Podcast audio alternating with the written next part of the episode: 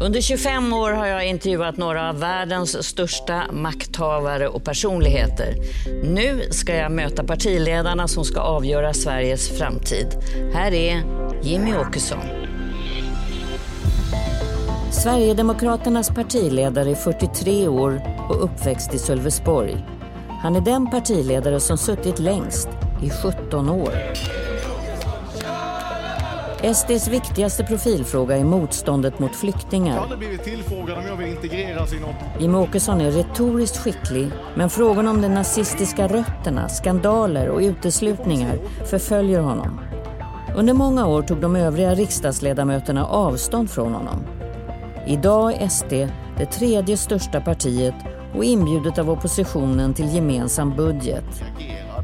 Jimmie Åkesson har sagt att han siktar på att bli minister eller ännu hellre statsminister om oppositionen vinner valet. Men vem är han egentligen? Uppträder alltid propert klädd och allvarlig i intervjuer. På sociala medier visar han upp en annan bild. Leende småbarnsförälder, älskar korv, pizza och katter.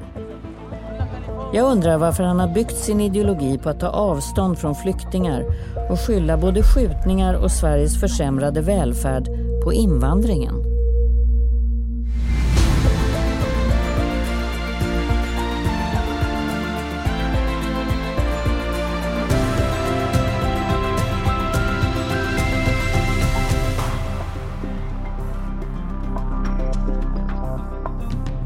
Välkommen hit, Jimmy Åkesson. Tack så mycket. Vad är den största missuppfattningen om dig? Att jag är en ond person som äter barn. Det är nog många som tror. Ungefär. Men det är jag inte. Och den eh, missuppfattningen håller i sig? Ja, ja, den blir ju allt mindre vanlig, lyckligtvis. Men, men det är fortfarande många som tror på mycket av det här skrämselpropagandan som våra motståndare har ägnat sig åt i alla år. Eh, men, men jag hävdar att det stämmer inte. Hur är du då? Ja, men jag vill ju, precis som de flesta politiker, tror jag väl. Eh, jag vill förbättra samhället och göra Sverige tryggt igen. Eh, och det har varit min ambition så länge jag håller på med politik och det kommer fortsätta vara min ambition. Du, ett citat ifrån din bok som är intressant. Det här är egentligen någonting du har snott av Rocky. Just det. Det handlar inte om hur hårt du slår, det handlar om hur hårt du kan bli slagen och röra dig framåt. Hur mycket du kan ta och ändå fortsätta att röra dig framåt. Det är så du vinner. Mm. Boxning är det ju naturligtvis, men det, varför har du valt det där? Jag tycker att det på något sätt eh, symboliserar den anda som har präglat mitt parti under de år jag har varit aktiv åtminstone. Att vi har kommit från vi har inte byggt vårt parti kring något särintresse som de andra folkrörelsepartierna, utan vi har ju byggt partiet från egentligen ingenstans, från absoluta gräsrotsnivån. Eh, och vi har fått rätt mycket skit eh, genom åren från motståndare och från etablissemanget som inte har välkomnat konkurrensen från oss eh, på olika sätt. Men vi har ändå rest oss hela tiden och fortsätter röra oss framåt. Som en boxare? Som, eh, som, Rocky, som Rocky framförallt. Ja, precis. Men om man tar dig personligen då? Eh, för det är ju du som väldigt mycket har varit partiet för de flesta människor. Ja, och det är väl mycket medias förtjänst att det är så. Eh, det är väldigt fokuserat på partiledare och, vissa enskilda företrädare. I vårt fall har det varit framförallt jag som har mm. representerat partiet. Det är inget som vi har valt, utan det är så, så det fungerar bara. Om man tittar på dina eh, sociala medier och Instagram, du är flitig. Eh, det måste man vara idag. Emellanåt är det i alla fall. Ja. Och då eh, är det en bild som jag har mött genom åren och då är du eh, korrekt och man ser det ofta i partiledardebatter, du slips och kostym eller du, du är, och så är du ganska allvarlig, det är min bild. Mm. Så tittar man på Instagram där, då står du väldigt ofta och lagar mat. Du rör ja, grytorna ja, och du eh, håller på med olika stekar i ugnen och mm. katter och så din son Nils. Mm. Jo, men det är väl... Man är ju inte bara politikern, man är ju också en, en person och en människa och en, en privat människa. Eh, och det, kan man ju, det är det som är fördelen med sociala medier, att man kan ju dela med sig av en del av det. Inte allt såklart, men en del av det. Och det gör jag gärna. Vad får du för respons då när du visar upp, du som äter barn annars eh, och är någon människa och så visar du upp den här där du står med keps med korv och ja. mer som en vanlig person? Ja, men det är väl en, en, en, tror jag, en viktig del någonstans. Jag tycker inte att politiker ska bli för privata. Eh, för det har liksom inte till rollen. Men man kan vara personlig mm. eh, och visa upp sitt, ja, sina andra personligheter än just det här strikta debattrollen som man går in i. Eh, de som följer mig i sociala medier är ju oftast inte de som tror att jag äter barn, utan det är ju oftast supportrar på olika sätt. Så det är ju glada tillrop och sådär oftast. Sen har du och jag pratat tidigare om att eh, sen finns det den där svansen som du ibland får lite problem med, som är eh, i ytterkanten och som eh, ställer till det både för dig och för partiet. Jag upplever inte att det är något större problem längre. Eh, utan vi, och det gäller väl egentligen de flesta som har öppna forum på nätet. Allt från tidningar till politiska partier till ja, oss då, politiska profiler. Eh, att vi har lärt oss att städa eh, i det där. Eh, så att jag upplever inte att det är något större problem längre alls. faktiskt. Men ni får ständigt rensa ut personer som inte tillhör partiet. Så har det varit. Ganska nyligen så var det en eh, politiker, lokalpolitiker i Trelleborg som sa att kvinnor i princip får skylla sig själva om de blir slagna. Ja, och det markerade ju sen hela partigruppen mot det, vilket jag är väldigt glad för. Och mm. Det är mm. väl ganska logiskt också. Men, men ärligt talat, om man sätter sig och lyssnar på ett kommunfullmäktigemöte i en mindre kommun, egentligen var som helst i landet, så kommer det att sägas dumma saker från alla partier. Det, det, så är det. Och det, det är en del av liksom den lokalpolitiska vardagen. Och då gäller det att, gör, att rensa bort den typen av ja, politiker? Vi gör det i alla fall. Mm. Alla andra partier gör inte det. Jag tycker att många andra partier är ganska dåliga på det. Eh, men vi är bra på det. Vi gör oss av med de som inte ska vara med. Du, du har ju suttit eh, längst av partiledarna, 17 år snart. Drygt nu till och med. Drygt nu, 17 mm. år. Mm. Det är en väldigt lång tid. Och, eh, eh, det har hänt väldigt mycket både i ditt privatliv och politiskt inte minst och med partiet. Vad har det här gjort med dig? att eh, vara en sån framträdande offentlig person så länge? Det har nog gjort massor med mig, tror jag. Eh, sen är inte jag rätt person att analysera det och framförallt inte nu. Utan det är väl... Men är det inte bra ibland att fundera på ja, vem man jag. blir? Liksom? Ja, men det gör jag ju såklart och försöker. Men samtidigt är det svårt att det är svårt att landa i någon slutsats när man liksom befinner sig mitt uppe i det. Så, utan det, livet rullar ju på. Så är det nog för de flesta. Och jag har ett speciellt jobb, men, men egentligen har jag ju ett, ett liv precis som vem som helst har. Och där händer det ofta bra saker, ibland händer det tråkiga saker. Och, och jobbet är inte alltid roligt, men ibland är det jätteroligt. och, så där. och det, så, Sånt är ju livet och det får man ju förhålla sig till. Under den här mandatperioden, förutom de stora politiska skeendena som har varit, så har du också skilt dig. Mm. Jag tänker också att det är ett utsatt jobb också därför man inte kan vara hemma och leva egentligen ett normalt liv. Är det eh, svårt att liksom upprätthålla ett normalt liv? Skulle säga? Ja, det är det. Alltså, det är ju inte ett normalt liv man Nej. lever. Eh, för vår del så har vi dessutom varit två eh, profilerade politiker på, på olika nivåer förvisso. Mm. Men det är klart att det säger sig självt att det går inte att ha ett, ett normalt liv med de omständigheterna. Det, mm. Så är det tyvärr. Och då är det då din lille son som blir central personen i ditt liv, vad jag förstår. Ja, men så är det ju. Han är ju just nu 100 procent liksom den som man försöker både skydda och trygga eh, från det här. Och han börjar bli så pass gammal nu så han börjar ju förstå lite. Vad... Han börjar klaga lite kanske? Ja, men, ja det, det har han varit bra på tycker jag hela mm. livet. Men, men just att han, han börjar förstå lite vad pappa håller på med, att mm. pappa är en känd person och sådär. Och det, det är ju ett jobbigt snack att ta såklart mm. Eh, med en åttaåring. Och då är det så också att han får höra saker om sin pappa som han inte vill höra? Än så länge har jag inte hört att han har fått det. Nej. Men jag är ju väl medveten om att det kommer ju att komma förr eller senare. Du, jag ska också, eh, innan vi går in på mer ideologiskt vad partiet står för. Jag har tittat igenom också lite grann ditt schema. Det är ju nästan omänskligt, precis som de andra partiledarna, vad man ska göra.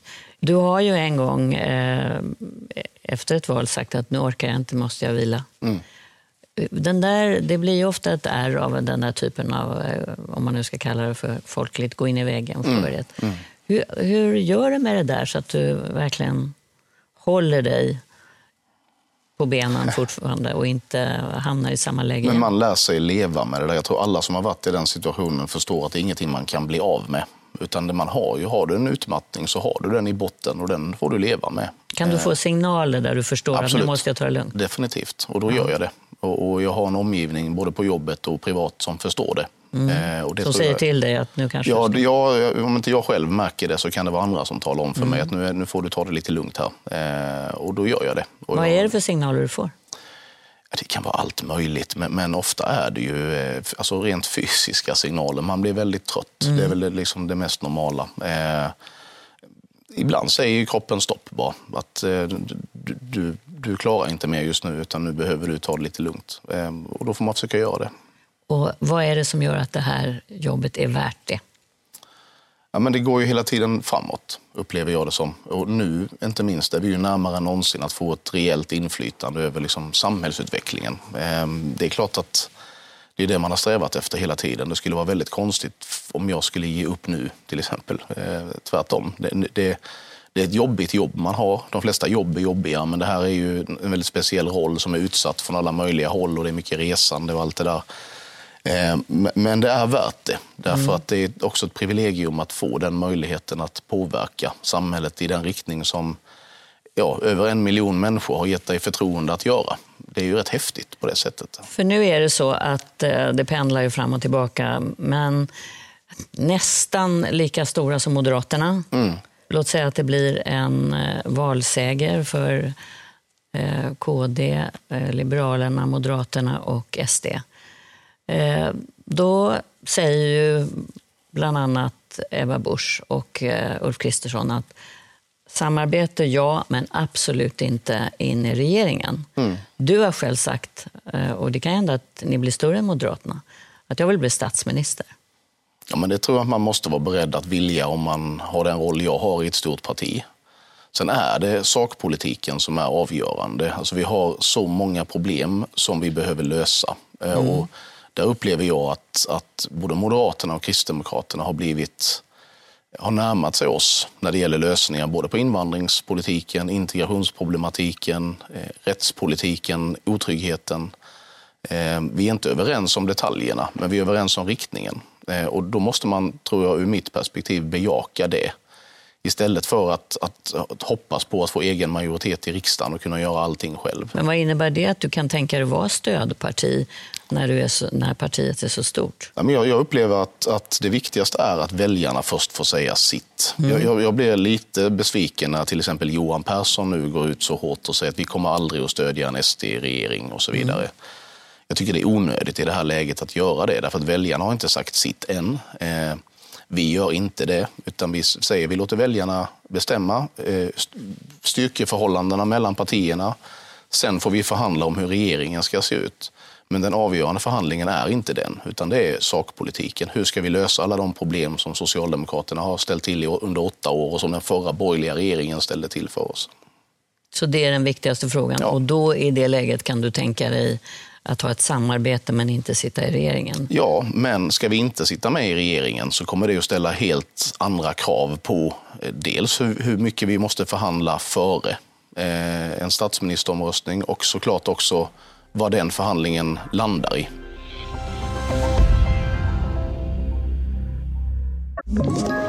Ett poddtips från Podplay.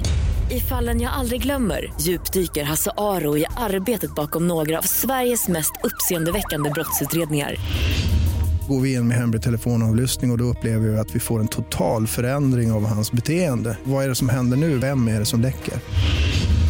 Och så säger han att jag är kriminell, jag har varit kriminell i hela mitt liv men att mörda ett barn, där går min gräns. Nya säsongen av Fallen jag aldrig glömmer på Podplay.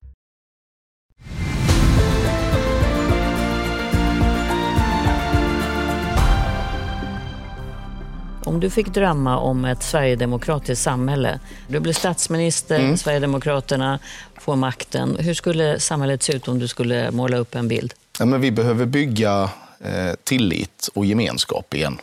Eh, och det är klart att det är en mycket större utmaning att göra det i ett mer splittrat land som Sverige är idag. Eh, och då måste vi bygga det kring medborgarskapet, menar jag. Det vill säga att vi ska inte bygga gemenskapen kring hur vi ser ut eller biologiska egenskaper och sådana saker som många säkert tror att jag tycker. Utan vi ska bygga det kring, kring de som, de alla som bidrar till samhället på ett positivt sätt ska också kunna vara en del av samhället oavsett vad man har för bakgrund. Oavsett vad man har för religion, kultur, ja, språk. såklart. Men Eh, religion är ju inte alltid bara religion, utan religion är ju också eh, många fall eh, en politisk ideologi. Eh, det vill säga att... Inte alltid väl? Ja, men tar vi islam som exempel så är ju det, det är ju en religion som också gör anspråk på att styra liksom, samhället och, och individers liv in i minsta detalj många så, gånger. Så nu sitter du där med makten. Ja. Du är statsminister, du har mycket makt. Vad skulle du göra? Jag skulle försöka bygga gemenskap igen. Eh, tala om för alla människor som bor i det här landet att det finns en möjlighet att, även om man då lever i det som vi betraktar som utanförskap idag, så finns det en möjlighet att bli en del av liksom, majoritetssamhället. Bli om man svensk. Vill. Ja, man kan bli svensk om man vill, men då, då ställs det krav på att man Är det liksom en tvingande åtgärd då? är tvingande i den meningen att ska du fullt ut kunna ta del av alla förmåner som samhället erbjuder, då måste du anpassa dig. Då måste du lära dig språket. Du måste förhålla dig till och respektera lagar och regler och grundläggande normer och värderingar. Och gör du inte det, då kommer du inte att kunna liksom fullt ut ta del av Sverige. Du, det finns ett begrepp öppen svenskhet. Mm. Vad, vad betyder det?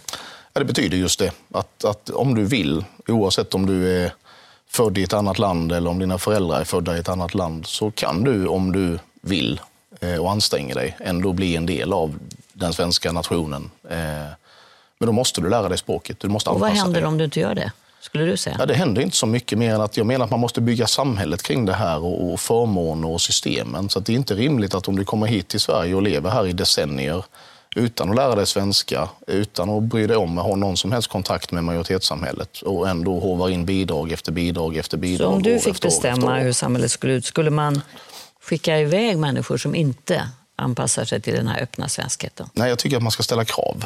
Mm. Eh, och, och lever man inte upp till de kraven, eh, då får man inte del av samhället på samma sätt som man vad får idag. betyder det? Del av... Ja, vi, det vi tittar på konkret är ju framförallt då det som vi kallar för bostad, eh, bo- bosättningsbaserade förmåner. Det vill säga sånt som du får bara genom att sätta din fot i Sverige, mer eller mindre. Eh, och det är en väldig massa olika Men nu bidrag. är det människor som har bott här länge och i generationer.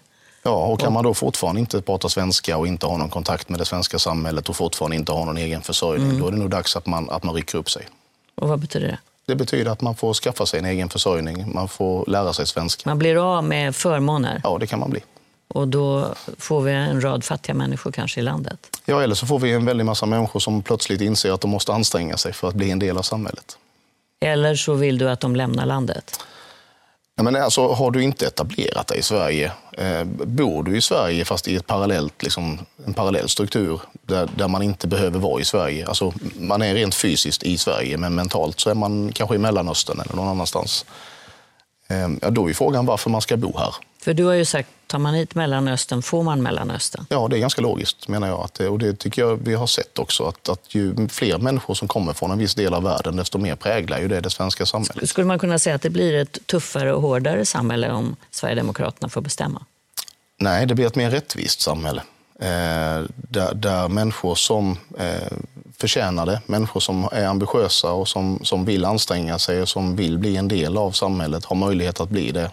Och de som bara är här för att begå brott eller leva på bidrag, de får det inte lika lätt. Hur ser du på det positiva med människor som har kommit hit med eh, och bidragit till att Sverige har förändrats så att säga?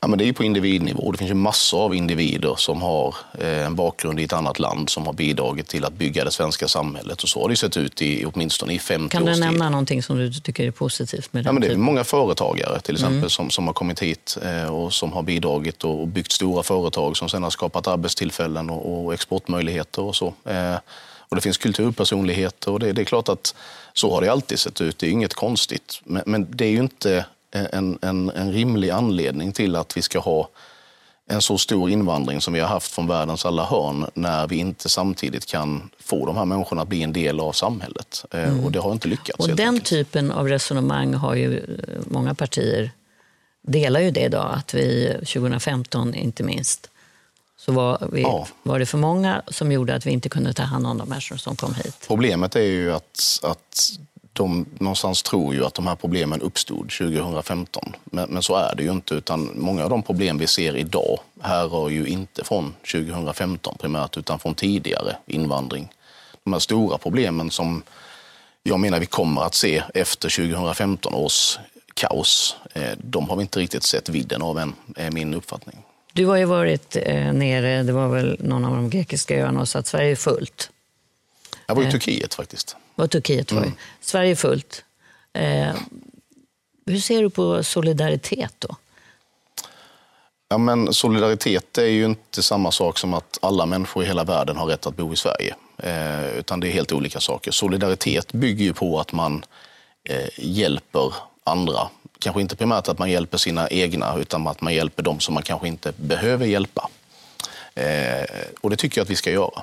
Men flyktinginvandring till Sverige av relativt sett ett fåtal människor när vi har just nu då över 100 miljoner människor på flykt runt om i världen. Det är ju inte ett rimligt sätt att hjälpa människor på. Utan det rimliga är ju att vi genom de organisationer som finns och som är världsbäst på flyktinghjälp hjälper människor på plats i närområdet där de allra flesta flyktingar finns. Nu har vi en speciell situation med, i och med kriget i Ukraina där Sverige är omedelbart närområde. Och där har ju du sagt tydligt att det är skillnad på flyktingar och flyktingar. Ja, men det är det ju och det har vi alltid sagt. Att, att det är klart att uppstår det en konflikt eller ett krig eller en kris i vårt närområde där människor tvingas fly, då får ju vi ett ansvar att ta emot dem. Precis som Libanon har ett ansvar att ta emot flyktingar från Syrien till exempel.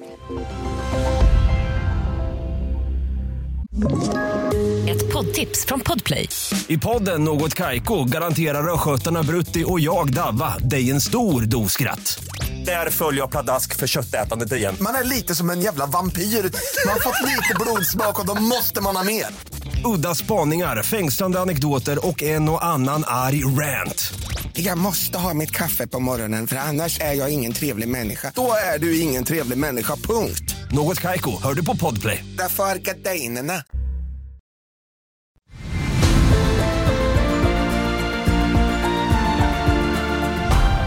Att du valde Sverigedemokraterna en gång i tiden. För ofta är det ju saker som man har varit med om eller som eh, man bär med sig långt tillbaka i tiden som gör att man väljer en ideologi, att man påverkas av det. Mm. Vad skulle du säga är den främsta orsaken? Om man går tillbaka i tiden? Alltså jag är ju, tillhör ju en generation där nationalismen blev en, en, en, en, liksom, en normal ideologi bland de andra. Ehm. Ska vi definiera vad nationalism är i din Ja, men att, vi, att alla länder, eh, alla nationer har rätt till självbestämmande och att bestämma över sin egen utveckling och sin egen framtid. Eh, och, det gjorde ju då att, för jag var med i Moderat skolungdom, inte jätteengagerad, men jag var så kallad ölmedlem som väldigt många andra var, men, ändå politiskt intresserad. Ehm, men så kommer ju den här folkomröstningen om EU-medlemskapet där hösten, senhösten 94. Ehm, och där kom ju min nationalism in då. Jag var ju väldigt starkt mot att Sverige anslöt sig till, till EU eh, av den enkla anledningen att det skulle innebära att vi flyttar massa makt till Bryssel. Ehm, och då kunde jag inte vara med i Moderaterna längre. Och då började jag leta efter andra partier. Och då hamnade jag så småningom i, i Sverigedemokraterna. För nationalismen kan man ju också definiera, om man läser vad, vad definitionen är, är ju att det är ett, gränser är viktiga mm. för att definiera ett land. Språkligt viktigt eh, traditioner, sånt som förenar ett folk. Mm. Är, är det en definition som passar in på det du tror på? Ja, men det gör det. Alltså jag, jag tror ju att ska vi återbygga sammanhållning i Sverige för att Sverige har varit ganska sammanhållet en gång i tiden. Eh, nu är vi inte det till följd av att ja, vi har haft en väldigt stor invandring helt enkelt. Eh, och ska vi kunna återbygga det, då måste det bygga på just de här sakerna. Alltså, majoritetsbefolkningens värderingar, grundläggande normer, eh, traditioner. Kultur. Ja, kultur. Ja, med kultur menar jag framförallt värderingar och mm. normer. Mm. Alltså det är det som ligger till grund för hur, hur, vårt samhälle är uppbyggt och hur våra lagar ser ut. Nu ser inte Sverige ut så längre och eh, världen förändras med flyktingströmmar, globalisering och så vidare. Eh, kan man fortfarande upprätthålla den typen av resonemang, tycker du? Att man måste, för att definieras som svensk, tala svenska, ha eh, samma traditioner, uppfattning om Sveriges historia och så vidare? Jag tror att i globalisering och internationalisering så blir det ännu viktigare och ännu naturligare att man å ena sidan bejakar det globala, handel och utbyte och sådana saker. Eh, men att då blir det också viktigare att vara trygg i sin egen identitet för att kunna hävda sig i det här globala. Eh, så att jag tror att det är nationalism och, och nationell identitet och sånt är nog förmodligen viktigare än någonsin idag. Och hur ska det här gå till när vi har så många människor som vi är ett mångkulturellt land idag? Vi är ju inte det. Sverige är ett särkulturellt land idag. Det vill säga att vi, vi, det byggs parallella samhällen. Mångkulturen är ju en, en vänsterliberal utopi som aldrig har förverkligats någonstans i världen. Och kommer Så de inte influenser vi har fått till Sverige, kan man inte se det som mångkultur? Ja, men alltså influenser har man ju... Det ingår ju någonstans i, en kulturs utveckling att man tar influenser Men utifrån. är inte det på grund av människor som har kommit hit? Eh, inte bara. Alltså vi har ju, innan den här stora invandringen så har ju vi tagit influenser från hela världen i alla fall. Eh, det som är skillnaden med den här stora invandringen vi har haft är att vi har också blivit påtvingade influenser som vi inte själva har valt. Hedersstrukturer, klanstrukturer och annat som, som säkert fanns i Sverige förr i tiden men som vi har utrotat i princip. Det som ofta präglar eh, politiker skulle jag säga, det är att man i, i kanske i barndomen, ungdom, du sa att det var Moderaterna, MUF, eh, att de var för eh, medlemskap i EU och du var emot och så vidare. Men ibland finns det ju andra saker längre tillbaka. Du har själv sagt att efter dina föräldrars skilsmässa så upplevde du otrygghet när du flyttade.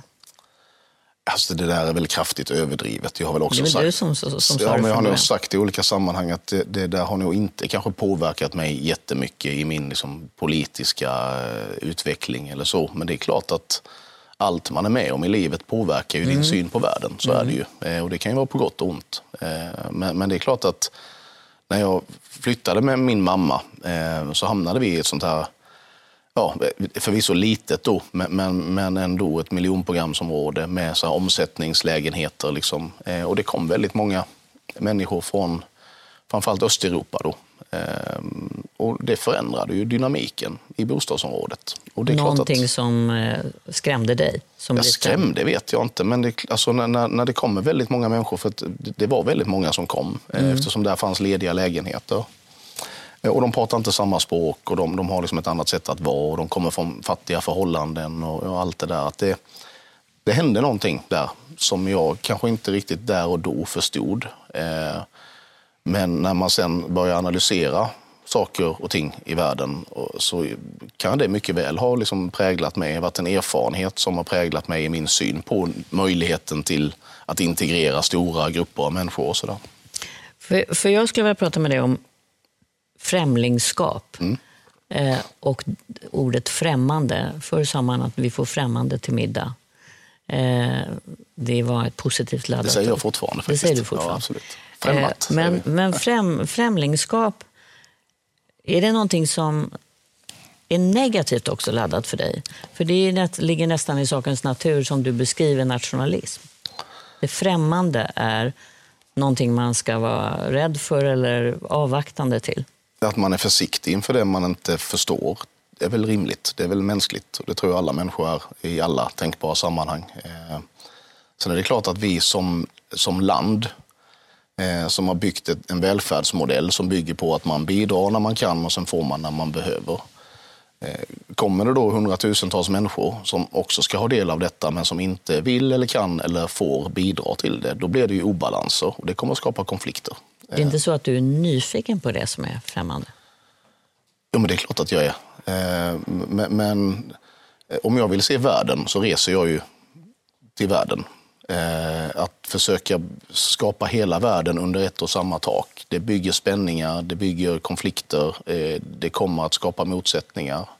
Och det är det vi ser idag när olika syn på rätt och fel, olika syn på hur samhället ska styras, olika syn på religion, olika värderingar, grundläggande normer. När det där krockar så uppstår det konflikter. Och det såg vi ju under påsken till exempel med de här korankravallerna. För, jag tänker på när vi började med att den största missuppfattningen om dig är att du äter barn och är en ond människa. Det är ett väldigt eh, retoriskt högt tonläge som du har haft genom åren. Skarpt. Eh, har det varit medvetet? Nu till exempel när det gäller påskkravallerna så eh, var ditt förslag att man inte bara ska utvisa den personen som har begått brottet utan en hel familj. Men alltså, det där är ju en... en jag tror ju att man, man eh, kan få... Du kan få ett uppehållstillstånd i Sverige genom familjeanknytning. Då menar jag att då är det inte orimligt att man också kan bli av med sitt uppehållstillstånd genom familjeanknytning. Och vad begrundar sig det i? Att familjen borde ha tagit ansvar för att det inte... Ja, alltså I grunden så handlar det här om föräldrar som trots påstötningar från olika myndigheter, socialtjänst och annat inte som tar sitt föräldraansvar. Då får man nog vara beredd på att det får konsekvenser om, om du inte håller reda på dina unga och de är ute och kastar sten på polisen och eldar polisbilar. Sen är ju inte det är, det är ju inte en mänsklig rättighet att ha ett uppehållstillstånd i Sverige. Utan det har man ju därför att man behöver det och, och man ska sköta sig om man har det. Och det är klart att sköter du inte dig då så kan du bli av med ditt uppehållstillstånd. Och så är det redan idag. Eh, och det här med att hela familjen då kan bli av med sitt uppehållstillstånd om det är någon som missköter sig. Så fungerar det ju redan idag. Det finns ett åtskilliga exempel på... Fast du gick ju mycket längre än vad andra gjorde när du sa som du gjorde efter. Nej, jag tycker inte att jag gick särskilt långt. Utan jag menar bara att det behöver få konsekvenser. Sen är inte det den liksom, kanske reguljära och den första åtgärden. Eh, den viktigaste åtgärden tycker jag, till exempel då när när man som förälder inte håller reda på sina unga och de, de begår brott och förstör allmän egendom och så, det är ju att, att skadeståndsansvaret ska vara fullt föräldrarnas. Inte som om idag din att det är son begränsat. eh, börjar bete sig halka snett så är det ditt ansvar. Det är alltid mitt ansvar ytterst. Mm. Och Sen då kanske ska jag du inte... ta konsekvenserna av det. Ja, det ska jag göra. Eh, och, och med mitt ansvar, om jag själv inte klarar av det, så finns det ju myndigheter som, som ska stö- stötta mig i det. Inte minst socialtjänsten, men också andra, skolan och sådär. Eh, och det är klart att jag kan ju ta mitt ansvar genom att försöka få den hjälpen. Men om jag inte gör det, eh, om jag inte gör någonting överhuvudtaget, om jag trots åtskilliga påstötningar från socialtjänsten fullständigt struntar i det, eh, eller kanske till och med hjälper mina barn att kasta sten på polisen, eh, ja, då, får det konsekvenser. Du, det, partiet eh, Sverigedemokraterna attraherar i, till största del män. Det ser man ju tydligt i siffrorna, att det är fler män som röstar på SD än Ja. kvinnor. Ja, det är väl en tredjedel kvinnor ungefär. Vad är det som gör, tror du, att er politik eh, attraherar män framför kvinnor? Eller framförallt varför kvinnor inte det röstar där på kan SD? man ju analysera. Kvinnor röstar på SD. Det är många Ja, det- fler ja, kvinnor det som röstar på SD än på Miljöpartiet Men- och, och i förhållandet- Vänsterpartiet och så. så Ja, det, men om du tittar på förhållandet, det, skulle du inte vilja att fler röstade, kvinnor röstade på SD? jo, jag vill att alla ska rösta på SD. Ja, men det, det, men det är klart men du måste ju ha funderat på det här. Vad det. Massor. Eh, Men det hänger ihop med, om man tittar man i vad, vad män och kvinnor generellt prioriterar för frågor, så är det olika. Mm, och vad är det för frågor som ni Ja, inte men vi har? har ju pri- primärt profilerat oss kring invandring, brottslighet, eh, kärnkraft eh, och den typen av frågor som, som inte står så högt på dagordningen för kvinnor Mm. generellt. Eh, och ändå är det väldigt många kvinnor som röstar på oss. Det är ju rätt fantastiskt. Du har ju eh, fått gå ut och svara väldigt många gånger på partiets historia och nazistiska rötter. Mm. Du är väldigt trött, brukar du säga, på den frågan. Partiet Sverigedemokraterna grundades 1988. Eh, Det är väldigt länge sedan. Väldigt få, för att inte säga ingen av dem som var med vid det tillfället finns med idag. Jag har aldrig träffat de människorna, eh, med något undantag möjligen. Har du aldrig känner till. träffat eh, någon av dem som hade Eh, nazistiskt Någon, förflutet? någon enstaka Ja. har jag nog träffat. Hur reagerar du? Kommer du ihåg det? Ja, men alltså för, för mig, jag, jag, jag nämner i den här boken du själv tog upp, Mm. Satis Polito, så nämner jag ett tillfälle när jag var väldigt ny i partiet och var i, eh, träffade ungdomsförbundet i Malmö och där satt en konstig gubbe med megafon på den här restaurangen och sjöng eh, finska sånger. Eh, och jag fattade inte vem det var, men i efterhand har jag förstått att det här var ju en av de personerna då, som vi senare fick uteslöt. Då. Eh, men jag upplevde mer honom som en konstig gubbe, bara i största allmänhet, en, en tokstomme. Men du måste ju ändå ha funderat också på eh, de här rötterna som ändå fanns och varför det uppstod partiet ur de här rötterna. Ja, det finns nog lika många förklaringar till det som det finns enskilda personer som var med. Eh, för det fanns personer som hade kopplingar till helt andra organisationer eller eh, organisationer som, som de kanske själva upplevde sen var en, en, en slags förstadie till partiet Sverigedemokraterna och så. Det fanns också individer som inte alls såg det så. Jag kom ju med, jag blev medlem i partiet mars 1995.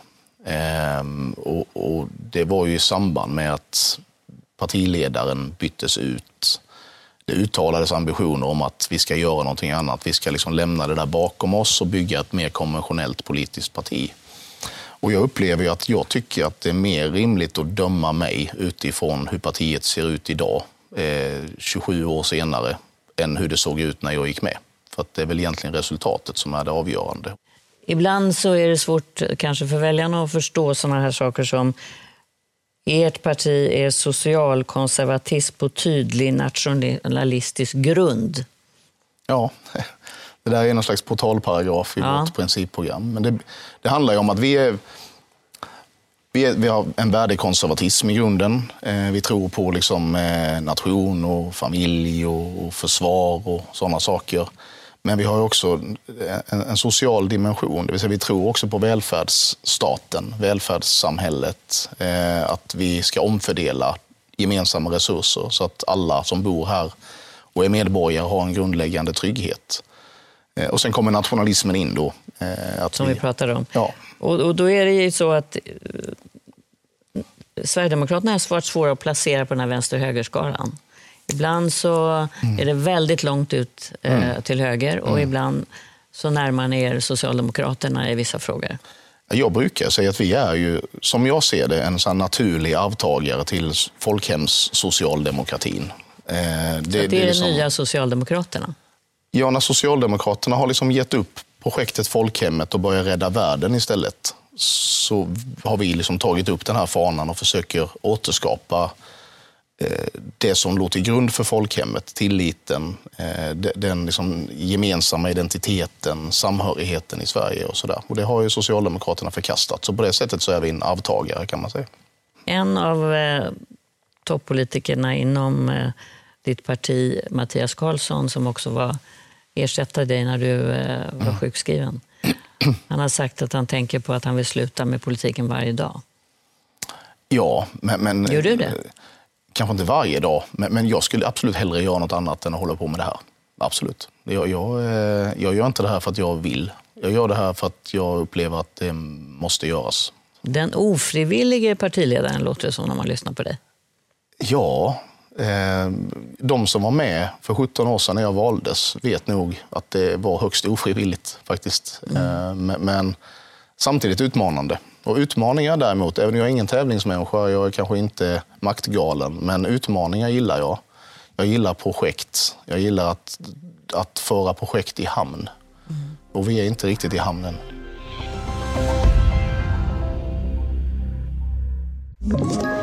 Ett poddtips från Podplay.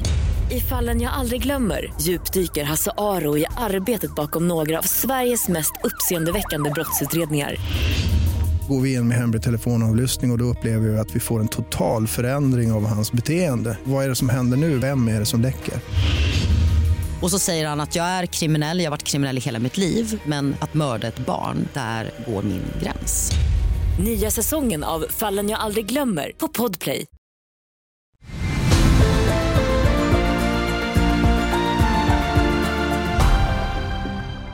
Vi bad eh, dig och andra att eh, bjuda med en person utanför din politiska krets för mm. att spegla dig i det här fallet. Eh, och du tackade nej. Jag kommer inte på någon bra. Faktiskt. Du kommer inte på någon nej, bra? Men jag sa, nej, men det, det, är klart att jag skulle kunna ta med mamma eller någon sån. Men, ja. men, eh, nej, men jag känner att jag vill gärna hålla det där privat. Mm. Liksom. Ska vi prata om din mamma? och Du har sagt att hon är en av dina förebilder. Ja, men absolut. Mina föräldrar är mina mm. förebilder och det, så är det nog för många. Var du mammas pojke? Ja, det var jag ju säkert. Jag menar, jag, jag växte upp större delen av tiden med henne. Eh, sen har jag haft, alltid haft en väldigt bra och nära kontakt med min pappa också mm. och varit hos honom regelbundet och sådär. Du har många halvsyskon? Jag har massa halvsyskon, mm. ja. Precis. Så att vi är en stor familj på det sättet. Mm. Eh, det var ju också så att det hände någonting i din uppväxt. Det, gör ju saker, det händer ju saker i människors liv. Mm. Du fick en bror som inte var som andra. Så mamma var borta mycket. Ja, det var hon ju. Men det, nu var jag ju i mina tidiga tonår när det här skedde. 1993 mm. är han född. Ehm, jag upplever inte att jag är särskilt påverkad av det. Utan jag, jag var ju mitt uppe i min egen frigörelse. Liksom. Så där och då var det ganska skönt att mamma liksom, inte var hemma alltid. Så. Ehm, men, det är klart att det är ju, det är ju trauma naturligtvis. Som Och ju, Vi kanske ska säga att din bror föddes med en, var det förlossningsskada eller? han, han, eh, han föddes för tidigt. Eh, väldigt mycket för tidigt och hade då framförallt en, en, en begränsad lungkapacitet. Eh, han fick en stor hjärnblödning och ja, en massa annat. Eh, Hur har det påverkat dig att, att ändå ha en bror med funktionshinder så nära? Det skiljer ju ändå, vad är det, det är en väldig massa år som det skiljer mellan oss. Det är 14 år drygt. Och, de flesta av mina syskon är betydligt yngre än jag. Eh, så det är ju, på det sättet, man får inte den här nära relationen som, som syskon som är täta får. Men det är klart att, att det är en speciell situation att växa upp med eh, assistenter i huset. Eh, och, och aldrig vara riktigt privat. Så jag brukar jämföra det med ungefär när jag har livvakter idag. Det är lite samma sak, att du är aldrig Mm. Du har riktigt kommit privat. in i det igen sen Ja, men det är lite politiker. samma sak faktiskt. Men, men, men det är en speciell sak, men man hanterar ju det. Alltså det, det är ju precis som du sa, det händer saker i livet och man får förhålla sig till Mm. det. Eh, och, så. och min bror är ju, han fyller 30 nästa år. Mm. Eh, och det är ju häftigt att eh, han har haft ett, ett, utifrån sina förutsättningar, ett bra liv. Har det påverkat dig politiskt, att du ser vad det betyder att det finns hjälp att få i en familj? Ja, men det gör det. Och det här är ju, han är ju född 93. Eh, och det här är ju i samband med liksom, assistansreformen och allt det här. Det, den har ju, det, det är ju en fantastisk sak som, som vi ska vara väldigt rädda om. Eh, där det är viktigt att vi dels slår vakt om den möjligheten till hjälp för de som behöver det. Eh, för att de ska kunna leva ett så, så normalt liv som möjligt eller ett, ett så fullödigt liv som möjligt. Samtidigt som vi måste vara stenhårda mot det fusk som ändå förekommer för att det hotar hela den, här, hela den reformen, hela den modellen. När eh, du funderade på ändå över frågan om vem du skulle ta med. Mamma tänkte du på eh, som var en viktig person. Så blev det inte så. Har du vänner som står helt utanför eh, det här politiska livet? För jag menar, jag, kan- jag kan tänka mig att du har inte så mycket tid över till Ja, den typen av väl inte, umgänge. men man får ta sig den tiden tror jag. Ja. Jag försöker. Har du barndomskompisar? Eller? Ja, och vi har väl fortfarande, tycker jag, en väldigt en, kanske inte så tät kontakt. Alla har familjer och man har sitt. Liksom. Mm. Men, men vi är ändå noga med att vi träffas åtminstone några gånger om året. Eh, och det är samma människor jag umgåtts med hela livet. Eh, och de har ingenting med politik att göra. De har helt andra, helt andra liv än vad jag har. Liksom. Men det, är- Sölvesborg bor de förmodligen i. Ja, från början i alla fall är de där. Ja, just det. Sen kan de ha flyttat.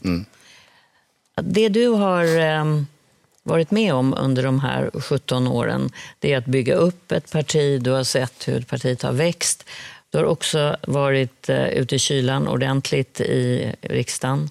Eh, beskrivningar om att, ja, att du, du fick vara ganska ensam där. Ja, fast det, det, där, det var väldigt dramatiskt första året. Det var det. Eh, och det var väldigt så här, Vänsterpartiet vet jag var väl de som, som gick längst. De ville inte dela kopiator med oss och sånt så vi fick flytta. Eller om de fick flytta, jag vet inte. Men, men. Det gick inte att fika med dig heller. Nej, det fick man inte heller göra. Alltså. Men sen har det alltid funnits enstaka som har gjort det. Eh, Gustaf Fridolin till exempel var alltid en sån där trevlig prick. Så han var den första från ett annat parti som kom upp på vårt kansli och sa hej och välkomna. Och sådär. Jag tycker inte om er, men ni är välkomna i alla fall. Eh, och det finns sådana exempel också. Och de är nog förmodligen fler än de här dåliga exemplen. Men vad gör det annars med att man blir... Har du blivit eh, lite grann misstänksam Ja, det har jag. Fast, fast eller misstänksam kanske är fel uttryck. på din vakt?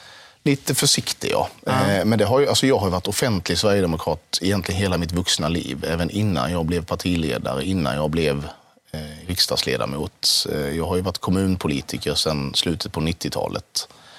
Ehm, och det är klart att, att man har alltid någonstans, eh, när man kommer in i en, en, ett nytt rum eller en ny miljö eller en ny, liksom, en, en, en ny kontext, eh, utgått från att människor redan har en åsikt om dig.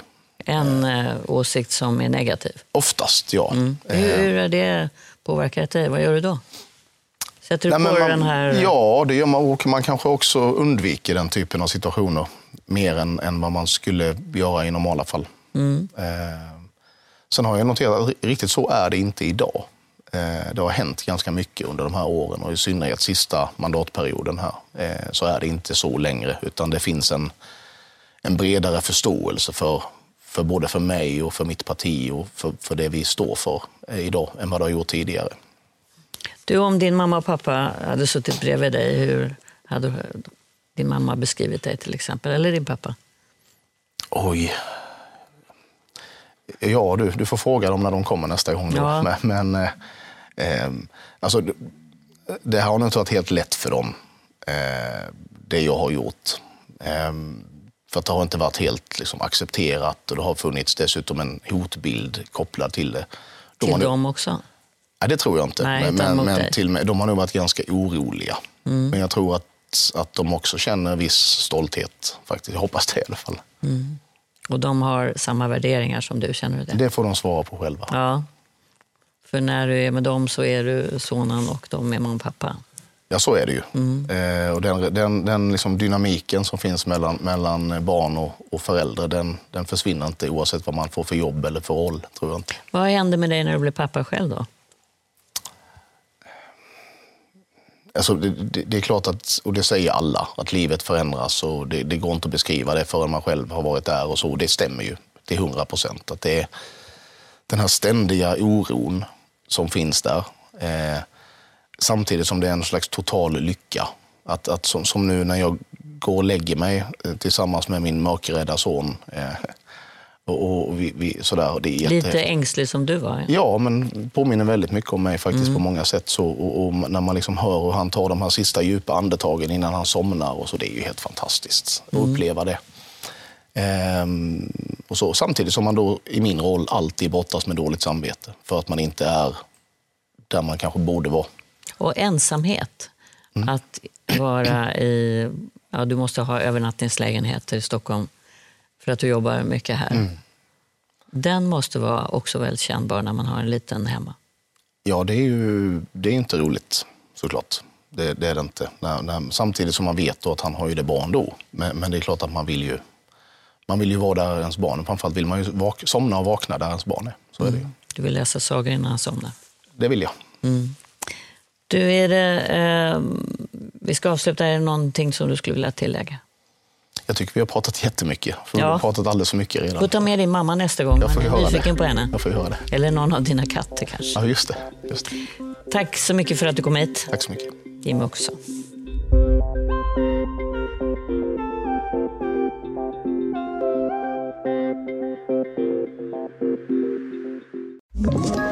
Ett poddtips från Podplay.